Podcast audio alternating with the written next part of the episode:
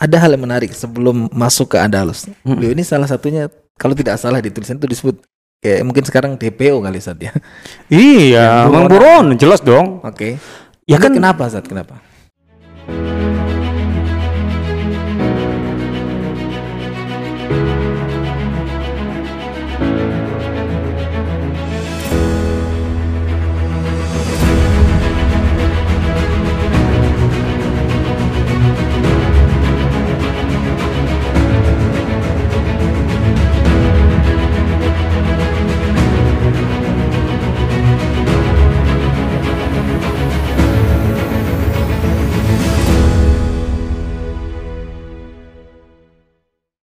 Assalamualaikum warahmatullahi wabarakatuh. Alhamdulillah wassalatu wassalamu ala Rasulillah wa ala alihi wa mawala la haula wa la quwata illa billah. Rabbi ishrah li sadri wa yassir li amri wa hlul 'uqdatam min lisani qawli.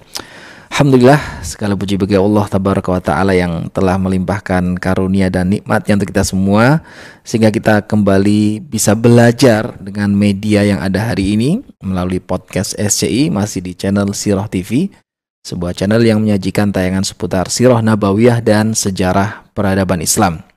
Berbicara tentang sejarah peradaban Islam, salah satu wilayah yang juga eh, kental sekali dengan keislaman dan merupakan peradaban besar saat itu, yakni Andalus atau Spanyol dan sebagian Portugal yang kita kenal hari ini. Ada satu nama yang sangat eh, perlu kita ketahui terkait dengan wilayah ini, ya terutama buat teman-teman yang penggila bola ya wilayah Spanyol dan Portugal harusnya apalagi kamu muslim harusnya simak video ini sampai akhir. Karena ada satu nama yang perlu kita ingat dan perlu kita ta- catat bagaimana sejarah perjuangannya seorang pemuda 25 tahun saat itu mampu menata sebuah wilayah yang besar dan punya peradaban yang tinggi sampai dengan hari ini ya disebut sebagai elang Quraisy. Dan kita akan eh, belajar dengan guru kita di sini ada Ustadz Asep Sabari. Assalamualaikum Ustadz. Waalaikumsalam warahmatullahi wabarakatuh. Kabar baik Ustadz ya? Alhamdulillah. Alhamdulillah. Ustadz, Alhamdulillah. kita akan kembali melalang buana ke Andalus Ustadz ya. Andalus, bukan Andalas ya. Bukan Andalus, bukan juga Andalus ya Ustadz. Enggak Andalas itu kan Sumatera. Oke, terlalu dekat lah ya. ya, kita ke Andalus jauh nih ujung sana ya. Iya, iya. Ada satu nama yang juga dalam beberapa literatur disebut sebagai elang Quraisy. Ini siapa Ustadz? Nah, oh iya, Sakar Quraisy. Alhamdulillah. Oh, istilahnya Sakar Quraisy ya. Iya bahasa Istilahnya. Arabnya. Iya, oke. Alhamdulillah. Salatu wassalamu ala Rasulillah. Amma ba'd. Eh, konon ini ya, Mm-mm. ceritanya ada obrolan antara eh, Abu Ja'far al-Mansur yang bisa dikatakan termasuk pendiri dari Abbasiyah Oke. atau orang yang berperan eh, meruntuhkan Bani Umayyah dan kemudian mengangkat eh, Abbasiyah. Tentu saja dia berhadapan-hadapan dengan eh, Bani Umayyah secara langsung Ya. dan dengan tokoh-tokoh Bani Umayyah gitu. Eh, setelah mengalahkan Bani Umayyah dan menata Abbasiyah, tentu saja kita eh, juga bisa tahu dari sejarah gitu bahwa Hmm. kemudian kan muncul katakanlah eh, bintang baru gitu di Andalus yang itu tidak bisa terjangkau oleh Abbasiyah kan. Di Damaskus ya. Bukan yang di Andalus, Enggak, Abbasiyah di Abbasiyah di Baghdad dong. Oh, di Baghdad. Di Baghdad, Abu Ja'far al-Mansur kan mendirikannya pendiri kota Baghdad. Iya. Sudah kita ulas di podcast oh, iya, eh, iya. dahulu. Kotanya Oh, tata iya. kota. Nah, Oke. Jadi ada bintang baru kan di Andalus di ujung sana yang tidak bisa dijangkau oleh Abbasiyah gitu kan dan luar biasa sekali. Artinya ahli-ahli politik gitu ya atau politisi-politisi pemimpin besar itu akan sangat respect kepada karya-karya eh, Abdurrahman Ad-Dakhil ini gitu ya. Eh, orang ini gitu ya dari keturunan Bani Umayyah, Umayyah Bani Umayyahnya hancur di Masyrik di eh, Damaskus, tapi kemudian dia sendirian, dalam arti dengan segala eh, keterbatasannya, kemudian bisa menata Andalus kan. Itu kerja besar sekali. Makanya kan dalam obrolan itu Abu Ja'far Mansur dengan orang-orang terdekatnya dia bertanya gitu. eh, kalau ada yang pantas dijuluki sebagai elang Quraisy gitu ya. Artinya dengan ya mungkin kalau elang itu lebih ke matanya yang tajam gitu ya kan, Eh, pandangan yang tajam, kemudian bisa melihat sasaran dengan sangat luar biasa akurat. gitu. Hmm. Itu siapa? Dan gagah lah kalau Iya, iya. ya. Hmm. Karena elang ya, bukan, Mm-mm. bukan pipi itu. Oh, Iya. Oke. iya. Jadi Ya kan? eh, diksi yang dipilih tuh juga uh, Oh, iya. bayang lah ya. Iya, soccer. Iya, elang. Hmm. Maka kemudian ya jawaban A B C D lah gitu. Eh, tapi eh, Abu Ja'far eh, tidak setuju dengan semua itu. Dan memang susah lah orang kemudian memuji Bani Umayyah di hadapan Abbasiyah kan? Nggak kebayang kan? Iya. nggak kebayang juga gitu loh. Mungkin ya. Kemudian Kak Nani Abu Ja'far Mansur kemudian mengakui itu adalah Abdurrahman bin Muawiyah. Ah, fair juga berarti Ustaz. oh ya di sini fair. Dialah orang yang pantas disebut elang Quraisy bayangin dari Damaskus yang ancur-ancuran gitu. Ya. Hmm. Dia kemudian bisa melihat oh Andalus bisa dia apa namanya pegang kan gitu Oke. dan sangat luar biasa maka dari situlah kemudian mm, ya dalam dalam literatur gitu sering disebut dengan julukan Sakar Quraisy atau Elang Quraisy Abdurrahman Ad-Dakhil Abdurrahman Ad-Dakhil ya. iya Oke. Ini Bani Umayyah Ustaz ya. jelas dong Oke. keturunannya kan Hmm. Abdurrahman bin Muawiyah bin Hisham bin Abdul Malik gitu, bin Marwan bin Hakam bin Abil As bin Umayyah bin Abi Syams bin eh Abdi Manaf bin Qusay bin Kilab bin Murrah bin Ka'ab bin Lu'ay bin Ghalib bin Hmm, Insyaallah. Quraisy Quraisy ya. ikut Fihr Quraisy Iya. harus sampai di situ dong Yang menonjol dari Bani Umayyah itu adalah soal leadership Ustaz ya. Benar ya? ya Tata kelola. kepemimpinan dan kemampuan administrasi yang sangat hebat Hmm. itu diakui Bani Umayyah sangat hebat dalam Dan ini juga terlihat betul. nah ini dia. Eh Profesor Hussein Munis itu mengatakan bahwa eh di antara kelebihan Abdurrahman Ad-Dakhil itu mengumpulkan katakanlah bisa mengumpulkan mengadopsi yang terbaik dari pemimpin-pemimpin Bani Umayyah sebelumnya. Kalau dalam eh, tata kelola keuangan dia milik kakek mirip kakeknya, kakeknya adalah Hisham bin Abdul Malik. Hisham bin Abdul Malik adalah bisa dikatakan kalau dalam masalah tata kelola pemerintahan adalah yang terbaik setelah era Umar bin Abdul Aziz. Gitu ya. Jadi dia memimpin yang paling lama. Setelah Umar bin Abdul Aziz itu yang paling lama cuma dia. Jadi kan Umar bin Abdul Aziz itu memimpin sampai 101 ya. 101 Hijriah. Bani Umayyah runtuh 132. Berarti Oke. 31 tahun setelah itu, setelah Umar bin Abdul Aziz. Nah, Hisham bin Abdul Malik itu sendirian dia 10 tahun. Gitu lah. Dia 10 tahun. Hmm. Sehingga kemudian yang lainnya ya dibagi-bagi sekian orang, banyak gitu lah. Jadi ada yang sampai satu tahun, eh, ada yang kurang kalau nggak salah gitu ya. Ya aku lihat. Hmm. Setelah Umar bin Abdul Aziz yang eh, leadership dan tata kelola, ini kita bicara tentang administrasi, tata kelola pemerintahan yang paling baik itu Abdurrahman, eh, sorry, eh, Hisham bin Abdul Malik. Dan itu adalah kakeknya Abdurrahman Ad-Dakhil. Abdurrahman bin Ma Muawiyah bin Hisham bin Abdul Malik. Jadi dia lahir di masa kakeknya menjadi khalifah itu, tahun 113. Eh, Abdurrahman Ad-Dakhil ini. Oke. Jadi eh, kata Profesor Munis, kalau dalam masalah tata kelola keuangan dia mirip sang kakek. Hmm. Kalau dalam masalah eh, pembangunan dia mirip Walid bin Abdul Malik. Kalau dalam masalah kecerdikan bersiasa berpolitik kayak Abdul Malik bin Marwan gitu loh. Jadi eh, di situlah gitu ya kurang lebih ya nggak bisa disamakan nomor Aziz lah itu lain Iya, ya. Eh, artinya yang terbaik yang dimiliki Bani Umayyah di masa lalu gitu itu ada di eh, eh, ya kita tidak bicara 100% tapi intinya ada di Abdurrahman Ad-Dakhil dan karena modal itulah maka dia kemudian bisa bisa dikatakan sebenarnya pengasas Andalus untuk menjadi sebuah katakanlah eh, peradaban ya ya ini yang mengelola yang menatanya di Abdurrahman Ad-Dakhil. Baik. Tahun 138 Hijriah. Di usia Di usia 25 tahun. Ada hal yang menarik sebelum masuk ke Andalus. Mm-mm. Beliau ini salah satunya kalau tidak salah di tulisan itu disebut kayak mungkin sekarang DPO kali Ustaz ya. Iya, Mang buron. Jelas dong. Oke. Ya Ini kan kenapa Ustaz? Kenapa? lah kan eh, tahun 132 Oke. ah, itu kan usia eh, Abdurrahman ini sudah 19 tahun. Harusnya sudah cukup kan de- dewasa matang saat itu 19 tahun cukup matang pemimpin di usia begitu bisa jadi pemimpin. Artinya punya kelayakan, punya kemampuan. Sudah terasa kompetensinya apalagi Abdurrahman Ad-Dakhil Hmm. gitu ya. Dan dia buktikan kan setelah itu artinya ketika eh, Bani Umayyah runtuh tahun 100 eh ya tahun 132 dia usianya 19 tahun Abdurrahman Ad-Dakhil ini otomatis termasuk yang disorot gitu loh oleh Abbasiyah kan Hmm. Artinya orang-orang yang berpotensi menjadi pemimpin. Oh iya dihabisi.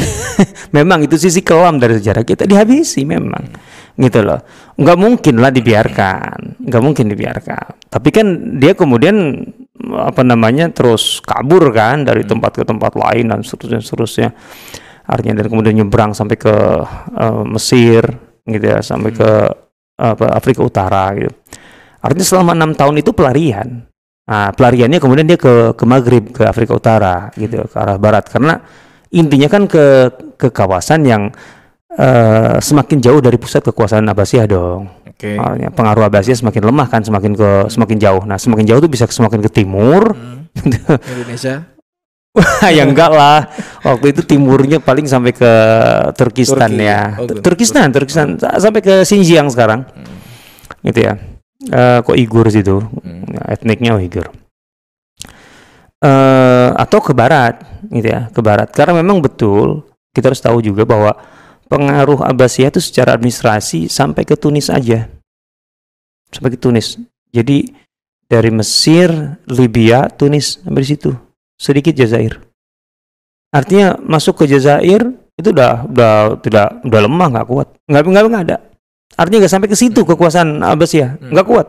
Hmm. Tapi Muslim sudah ada di sana, Ustaz. Oh sudah, Dari Muslim sudah Syariah. sudah di Andalus, Andalus ya. Iya. sudah di semenanjung Iberia, sudah di Spanyol, Portugal. Oke. Kan itu tahun 132. Hmm. Islam masuk ke Andalus melalui Tariq bin Ziyad tahun 9- 92, 91, 92. Itu sudah di sana. Artinya sudah kurang lebih 40 tahun. Gitu loh. Sudah ada pemerintahan Islam di Andalus. Sudah mendominasi belum di sana? Secara pemerintahan jelas. Oh, gitu. Secara, kita tidak bicara secara jumlah ya. Iya. Oke. Artinya jumlah penduduknya yang Katolik bisa jadi masih jauh lebih banyak ya jelas. Tapi kalau secara kekuasaan iya. Karena kaum muslimin mengalahkan penguasa eh, Spanyol dan Portugal sebelumnya yaitu eh, Visigoth, Rodrigo ya. Rodrigo ya. Ya, mereka mengalahkan penguasa sebelumnya otomatis kaum mereka yang berkuasa dong. Hmm. Gitu ya. Akan tetapi kan masih sifatnya masih perpanjangan dari Damaskus kan sebagai bagian dari Bani Umayyah di Hmm. Damaskus gitu loh. Dan kemudian prosesnya masih proses futuhat gitu. Artinya masih eh, apa namanya penyerangan ke wilayah-wilayah yang memang memberontak atau melawan atau ber- berpotensi untuk menjadi perongrong. Eh, belum lagi menata kekelompokan yang ada di situ. Kan ada beberapa kelompok kaum muslimin kan. Ada barbar ada Arab. Arab itu ada Kais ada Yaman. Kemudian eh, macam-macam gitu loh. Dan masing-masing eh, dalam hal ini punya kelemahan kemudian gitu ya. Hmm. kelemahannya ada beberapa orang yang ingin berkuasa atas nama kelompok gitu loh. Maka ini yang tidak mudah terutama ketika Bani Umayyah sudah mulai lemah di pusatnya setelah Umar bin Abdul Aziz. Ketika sampai masa Umar bin Abdul Aziz masih oke Asamah bin Malik al-Khawlani dan beberapa masa setelahnya masih oke lah di awal-awal Hisham. Kakeknya Kakeknya. Abdurrahman masih oke. Tapi kan setelah Abdurrahman al-Ghafiqi kalah di eh, Poitiers di Perancis Selatan. Itu Paris Selatan. Selatan Paris lah. Paris Selatan Paris. Tahun 114 Hijriah. 114 Hijriah gitu ya. itu sudah kemudian bisa dikatakan secara administrasi Andalus kacau. Jadi ada kelompok-kelompokan itu masing-masing memiliki taji dan taring sendiri ingin berkuasa gitu lah. Nah inilah yang menjadi tantangan Abdurrahman Ad-Dakhil ketika masuk ke Andalus Artinya ketika masuk Andalus itu bukan berarti semua Andalus sudah tertata dan kemudian menyambut mengeluh-elukan ayo engkau jadi oh enggak sesederhana itu. Itu yang membuat kenapa penilaian dari seorang Abu Ja'far Al-Mansur terhadap Abdurrahman Dahil itu luar biasa. Hmm. Di Masyrik dia dikejar-kejar buronan Iya. gitu kan tahun da- dari sejak tahun 132 itu selama enam tahun buron gitu ketika ke Andalus dengan tanpa memiliki katakanlah tentara atau apa namanya pengawal yang besar ataupun orang-orangnya itu kemudian dia bisa gitu loh untuk eh, menata apa namanya Andalus itu. Ya pertama kali yang dilakukan adalah bagaimana meredam eh, ambisi dari pemimpin-pemimpin kelompok ini gitu loh meredam ambisi dari pemimpin kelompok ini aja nggak nggak nggak mudah gitu loh Nah, makanya kemudian kan tentu saja ya di tengah suasana seperti itu ada ada kelompok contohnya adalah kelompok eh, ya kabilah-kabilah Yaman gitu ya. Disebut di situ uh, Al-Ala bin Mughis Al-Yahsubi gitu. Contohnya ini yang dipimpin oleh dia nih. Uh, mereka ini mencoba untuk mengontak Daulah Abbasiyah dan arti Harun al-Rashid kurang lebih gitu ya. Uh, untuk mendapatkan pengakuan artinya berafiliasi dalam rangka dia bisa uh, apa namanya menjadi rival dari Abdurrahman Ad-Dakhil gitu loh. Oh, itu kan nggak gampang. Hmm. Abbasiyah nggak bisa nyampe dalam arti uh, administrasinya ya. sampai menjangkau hmm. Andalus. Andalus ya. Tapi kan di Andalus ada unsur-unsur orang yang kemudian ketika mereka ingin melawan Abdurrahman Ad-Dakhil kepada siapa mereka berafiliasi. Hmm. Nah, setidaknya dapat pengakuan uh, secara resmi dari hmm. Baghdad kan. Wow, ini kan dihadapi oleh Abdurrahman Dakhil itu di antaranya itu berhasil itu. Belum lagi dari kelompok barbar namanya uh, Syaya bin Abdul Wahid itu kelompok barbar tahun 160 itu dihadapi juga oleh uh, apa namanya uh, Abdurrahman Ad-Dakhil. Yang ini yang besar-besarnya ya, yang besar-besarnya karena kalau yang kecil-kecil puluhan itu. Hmm. Kemudian juga dari luar. Dari luar di mana? Charles Martel dari Prancis. Hmm. Dari Prancis itu masuk, mereka nyebrang apa melewati gunung pegunungan Pirene itu. Kemudian masuk ke melalui Barcelona kan, melalui Catalunya itu. Mau masuk mau ngambil alih wilayah yang disebut dengan As-Sagara Ala, wilayah pertahanan paling jauh umat Islam paling utara, yaitu Zaragoza. Zaragoza. Itu coba bayangkan, yang datang Charles Martel, gitu ya. Uh, artinya dari Prancis dan itu didukung oleh uh, pasukan Eropa secara umum. Dan ini nggak nggak nggak nggak hanya dia yang masuk sebenarnya gitu ya. Kenapa dia bisa masuk? Apakah memang begitu mudah untuk masuk dan nyebrang ke uh, dari Prancis ke uh, Iberia kan? Enggak. Karena ada pengkhianatan dari dari dalam tubuh umat Islam waktu itu. Gubernur Barcelona dan Saragossa itu sebenarnya mengundang mereka. Sebenarnya karena mereka uh, dengan egonya tadi melihat Abdurrahman Ad-Dakhil itu rival awalnya kan. Hmm. Maka mereka ingin mereka yang berkuasa. Ini gubernur dari Bani Umayyah juga, San? Oh, ya, sebenarnya sebenarnya bukan juga gubernur sih, karena kan Bani Umayyah udah runtuh. Ya, yeah, oke. Okay. Jadi sebenarnya mereka sudah berdiri sendiri sih, yeah. berdiri sendiri. Artinya sisa dari Bani Umayyah masa lalu gitu. Nah, mereka itu yang mengundang Charles Marlowe itu dari apa namanya dari Prancis kan. Bayangkan. Untung saja kemudian Abdurrahman Dakhil bisa menata artinya hmm. membangun soliditas gitu ya sehingga hmm. kemudian di wilayah itu kemudian masyarakatnya tidak terima akhirnya ada perlawanan dari masyarakatnya sekalipun coba bayangkan jadi sebenarnya tantangannya kompleks, complicated menurut saya. Hmm. Untuk dihadapi oleh seorang anak saat mulai muda masuk ya. 25 tahun. Yeah. Anak muda saat mulai masuk 25 tahun. Eh, oke okay lah ini peristiwa di tahun uh, 160-an. 160-an itu ya kurang lebih waktu itu usianya sudah uh, 5 40 sekian tahun lah, 45 46 tahun. Dan yang menarik dia nggak ada power Ustaz ya. Karena sendirian. Awalnya sendirian itu iya. dia. Makanya dia menata orang-orang itu, hmm. artinya menghubungi eh, kelompok-kelompok. Uh, hmm. Dia ini punya modal, uh, jelas punya modal juga di dalam di dalam Andalus itu ada loyalis loyalis Bani Umayyah yang betul-betul loyalis lah, hmm. loyalis murni dan itu keluarga Mawali bukan keluarga inti Bani Umayyah juga. Hmm. keluarga Bani Umayyah nggak nggak kuat-kuat amat di Andalus sebenarnya gitu. Hmm. jadi Mawali Mawali yang kuat keluar keluarga Bani Mughis dan lain sebagainya. Mawali ini setara budak atau bukan? Bukan. Ya bisa asal usulnya dahulu kakek hmm. moyangnya budak. Hmm. tapi kan kemudian uh, setelah itu kan otomatis jadi pelayan pelayan di sini jangan dianggap babu ya. Kerjanya di rumah dalam arti ngurusin bersihin lantai atau ngepel bukan. Hmm gitu termasuk administrasi dan sebagainya. Akhirnya jadi loyalis lah. Dan mereka terpelajar tinggi. Gitu. Terpelajar tinggi. Hmm. ya itu ada beberapa itu. Mereka inilah yang kemudian bisa dipegang oleh uh, Abdurrahman Ad-Dakhil. Hmm. kemudian sampai membentuk kekuatan administrasi kemudian kekuatan tentara gitu loh. Tentu ke tentara dari berbagai kelompok termasuk Sokaliba artinya Abdurrahman Ad-Dakhil itu yang memulai uh, kekuatan Sokaliba Sokaliba itu karena dia kekurangan tentara kan dia kekurangan tentara, kekurangan pendukung-pendukung yang loyalis. Hmm. Maka caranya uh, dia membeli budak-budak Eropa. budak Eropa. Kan memang pa- pa- pasar budak pada zaman itu itu luas sekali di Eropa. Menarik ya. Sehingga pedagang-pedagang Muslim, eh, di situ kalau Profesor Munis memberikan eh, informasi, pedagang Muslim membeli dari pedagang-pedagang Yahudi yang memang sudah mm, biasa dengan dunia itu dan kemudian juga pedagang-pedagang Eropa untuk mendapatkan budak-budak eh, bule gitu loh. Maka Sokaliba itu kan dari Slav, gitu ya. Ya, Slav itu memang asal usul katakan ka- ada kaitannya dengan Rusia, tapi bukan hanya Rusia sebenarnya. Artinya data datanya menunjukkan bahwa itu dari berbagai negara Eropa kok, bukan hanya Rusia gitu ya. Ah, nah mereka itulah yang kemudian dari sejak kecil kan, sejak kecil dibelinya kecil-kecil, kecil-kecil dibeli, kemudian dididik gitu ya. Artinya ada semacam ah, camp pendidikannya lah gitu. ya. Sampai besar untuk kemudian menjadi ada yang disebut dengan apa namanya eh, ya untuk tentara, ada untuk administrasi, ada untuk pelayan di dalam istana dan sebagainya. Itu bule semua.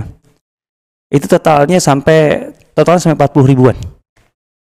Gitu ya, gede ya. Jangan bule. Gak kebayang. Gak kebayang zaman sekarang. Iya. Tapi itu sejarahnya. Karena memang ada pasar perbudakan di Eropanya sendiri kan. Itu yang itu di antaranya gitu loh. Cara dia melakukan itu gitu loh. Karena memang itu penting sekali gitu untuk artinya dibutuhkan gitu. Nah, dari sini eh sebenarnya ada puluhan tadi kan pemberontakan, kemudian ya macam-macam gitu ya. Yang Oleh memang Dr. Rakib Asirjani malah mencatat sampai 25 mungkin lebih ya kalau yang kecil-kecilnya lebih dah. Selama 33 tahun ya. Jadi selama ke ke Emirat, eh, sebetulnya Emir Ustaz. Amir Khalifah ya, iya dong. Itu sisi fikihnya. Dia dia tidak mau menjadi khalifah dong, Khalifah. Kak. karena itu akan menjadi alasan yang paling kuat untuk munculnya pemberontakan yang mendapatkan istilahnya apa? eh, legalitas syar'i. Hmm. Karena kan ada dua khalifah. Ini yang kedua, yang kedua yang harus dibunuh. Hmm. Secara fikih tetap Oh iya, ada. ke Abbasiyah ya. ya enggak juga gitu. Artinya dia tidak mau mengambil nama khalifah sebagai sebagai pesaing Abbasiyah karena itu akan menjadikan alasan Iya. secara politik untuk menghabisi dia dong. Artinya selama ke keamiran beliau itu sibuk dengan Sangat. eh, Sangat. militer, urusan militer Ustaz. Ya sebenarnya bukan hanya dengan urusan militer. Oke. Karena- Pendidikan sendiri gimana? Nah ini yang penting.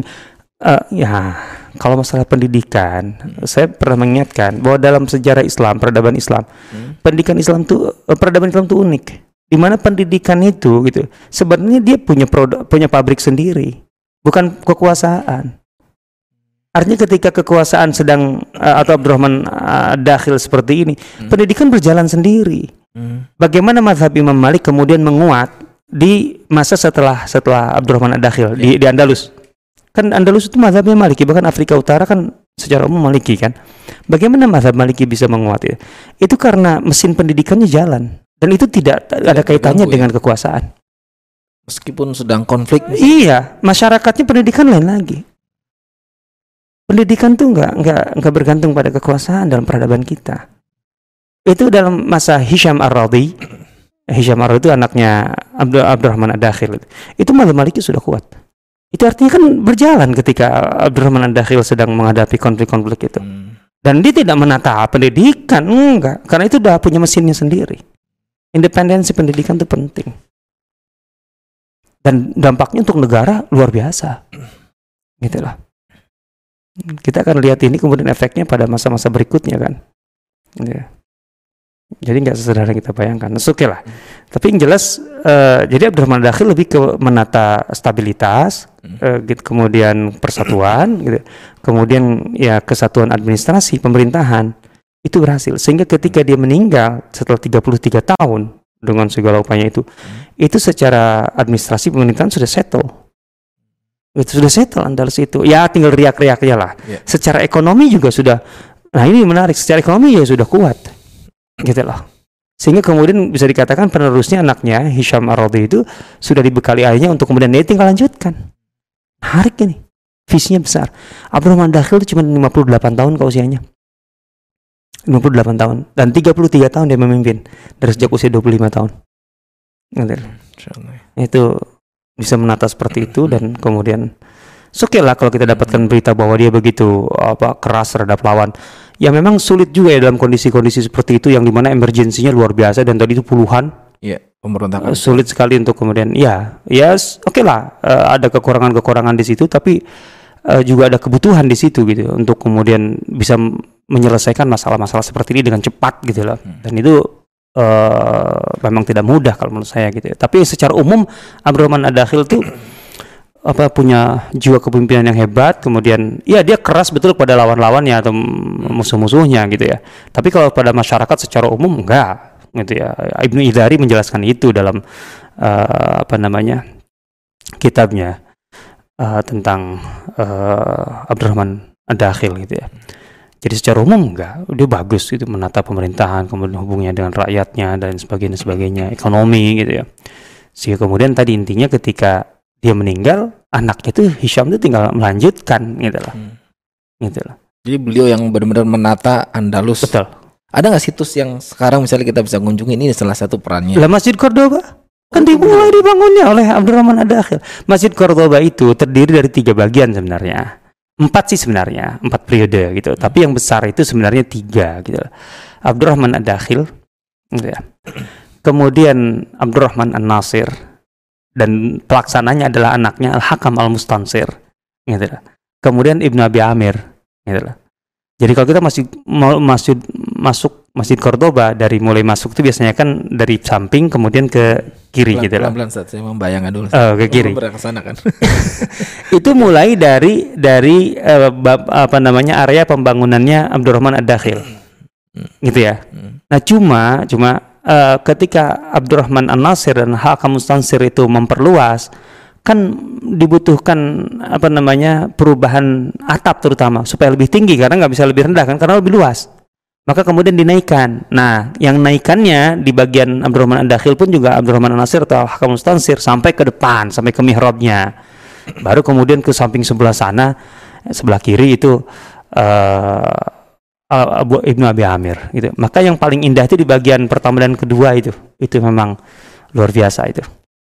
Itu murni sentuhan tangan iya. mesti masanya beliau. Iya, dari sejak tahun 100 uh, eh, ya sebelum 170 Hijriah lah. Artinya sudah berarti sudah 1000 uh, eh, sekitar 1250 tahun usianya. Dahsyat Allah. dan berkali-kali gempa besar di Eropa, termasuk hmm. gempa Lisbon internal tahun 1000 Eh, tujuh ratusan kalau tidak salah. Itu banyak kota-kota tua yang runtuh itu enggak. Sama sekali enggak. Itu perannya salah satu ya. dari Abdurrahman. Ya belum lagi kasar itunya apa eh, pemerintah pemerintahannya ya. gitu ya. Baik itu yang di depan di seberang apa di seberang masjidnya hmm. itu kemudian menata apa kincir kincir air itu. Itu juga eh, sekarang ada sih sisanya tapi itu tentu yang belakangan. Tapi memang posisinya di situ karena memang itu dikenal dengan Muniat Nauro Muniat artinya kampung kincir gitu lah di sekitar situ. Pokoknya di bagian kota tua Cordoba deh di apa namanya eh istilahnya Madinatnya Madinahnya Cordoba itu kota tuanya. Kalau apa namanya mm, masih melihat tulisan Babu Sadda, Babu Abdul Jabbar, kemudian Sekunda, eh, kemudian sebelah eh, utaranya Rosofa, ya itu semua Abdurrahman Dakhil Itu SI Karo Rihlah Peradaban masih ke sana saat. selalu ke sana dong. Nice, Masya Allah. Termasuk juga kita lagi ada program webinar saat ya seputar Sudah, sudah. Lagi berjalan sudah. Mm. Baik, dahsyat sekali ya ternyata. Zat pesan mungkin buat kami ini anak-anak muda asik biar Hmm. kayak tadi Abdurrahman Dahil Zat. Hmm. Gimana sih apa sih satu eh, nilai yang perlu kita pegang sehingga ya walaupun ya tadi ya pertama beliau jadi buronan kemudian Hmm. di kota yang eh, asing juga pertahan buat beliau kan. Ya, sisi positif ya. Terus juga bahkan tanpa dukungan awalnya ya Hmm. sendirian. Nah, ya itu menunjukkan mental ya. Mental mentalnya luar biasa. Jadi anak muda sekarang tuh jangan dikit-dikit healing apa gitu. Istilah healing itu kan istilah kayak kok eh, saya rasanya lebih dekat ke frustasi gitu. Anak sekarang tuh cepet sekali jebolnya gitu. masalah mental health ya. Aduh, kalau kita baca mereka ini dahsyat betul. Dan Abdurrahman Dakhil itu mengubah puisi-puisi, kan dia untuk apa namanya, eh, katakanlah mengobati kerinduannya ke masyrik ya. Kan Masjid Cordoba itu dengan di antaranya kan kalau kita masuk Masjid Cordoba, itu kan lengkungan-lengkungannya itu, itu kan ada bata-bata merahnya gitu. Itu kan sebenarnya kayak pohon kurma. Imajinasi dia tentang pohon kurma. Dia masuk tuh kayak di kebun kurma di sana kan di apa namanya di Masyrik gitu. Kemudian dia mengubah puisi tentang kerinduannya. Eh, artinya di tengah perjuangan sebagai kesatria, menghadapi masalah-masalah lapangan perjuangan pertempuran, menata negara, itu masih berpuisi, uh, punya daya seni yang kuat. Uh, ini pen, dipentingkan supaya kemudian hidup tuh nggak satu apa namanya kayak satu warna gitu. Makanya dikit-dikit mentok, healing. Ah, ayolah apa namanya tata kita untuk bisa memiliki cita rasa lebih oke okay, saya kerja di bidang ini tapi juga saya membaca tentang contohnya baca novel hmm. uh, baca tentang apa namanya uh, sejarah kemudian memiliki kemampuan seni dalam bidang apa gitu yang ya yang yang mubah-mubah kan dan itu penting untuk hidup supaya ada variasi ya, kemudian tidak serba cepat mentok dikit-dikit kemudian apa istilahnya? Selain healing tuh. Staycation ya? Nggak tahu lah jaksel. Iya. baik. Oke Zakalir ya. Uh, teman-teman sahabat Siro ya, ini tadi ya kita menjadi kenal lebih dalam lagi tentang satu sosok yang bagaimana seorang pemuda yang masanya juga banyak dihabiskan untuk uh, urusan politik dan membangun peradaban di Andalus. Asas peradabannya. Asas peradabannya iya, ya. Dasarnya. Okay dahsyat sekali mudah-mudahan kita bisa mengambil pelajaran keteladanan dari sosok Abdurrahman Ad-Dakhil ya. Ad-Dakhil. Ad-Dakhil jangan sampai panjang pendeknya ketukar ya. Baik, akhirnya saya Umar Elosi dan juga narasumber undur diri. Nantikan di episode berikutnya mudah-mudahan bisa menghadirkan topik yang jauh lebih manfaat dan lebih menarik lagi. Amin. Subhanakallahumma bihamdika asyhadu an la ilaha anta astaghfiruka wa atubu ilaik. Assalamualaikum warahmatullahi wabarakatuh. Waalaikumsalam warahmatullahi wabarakatuh.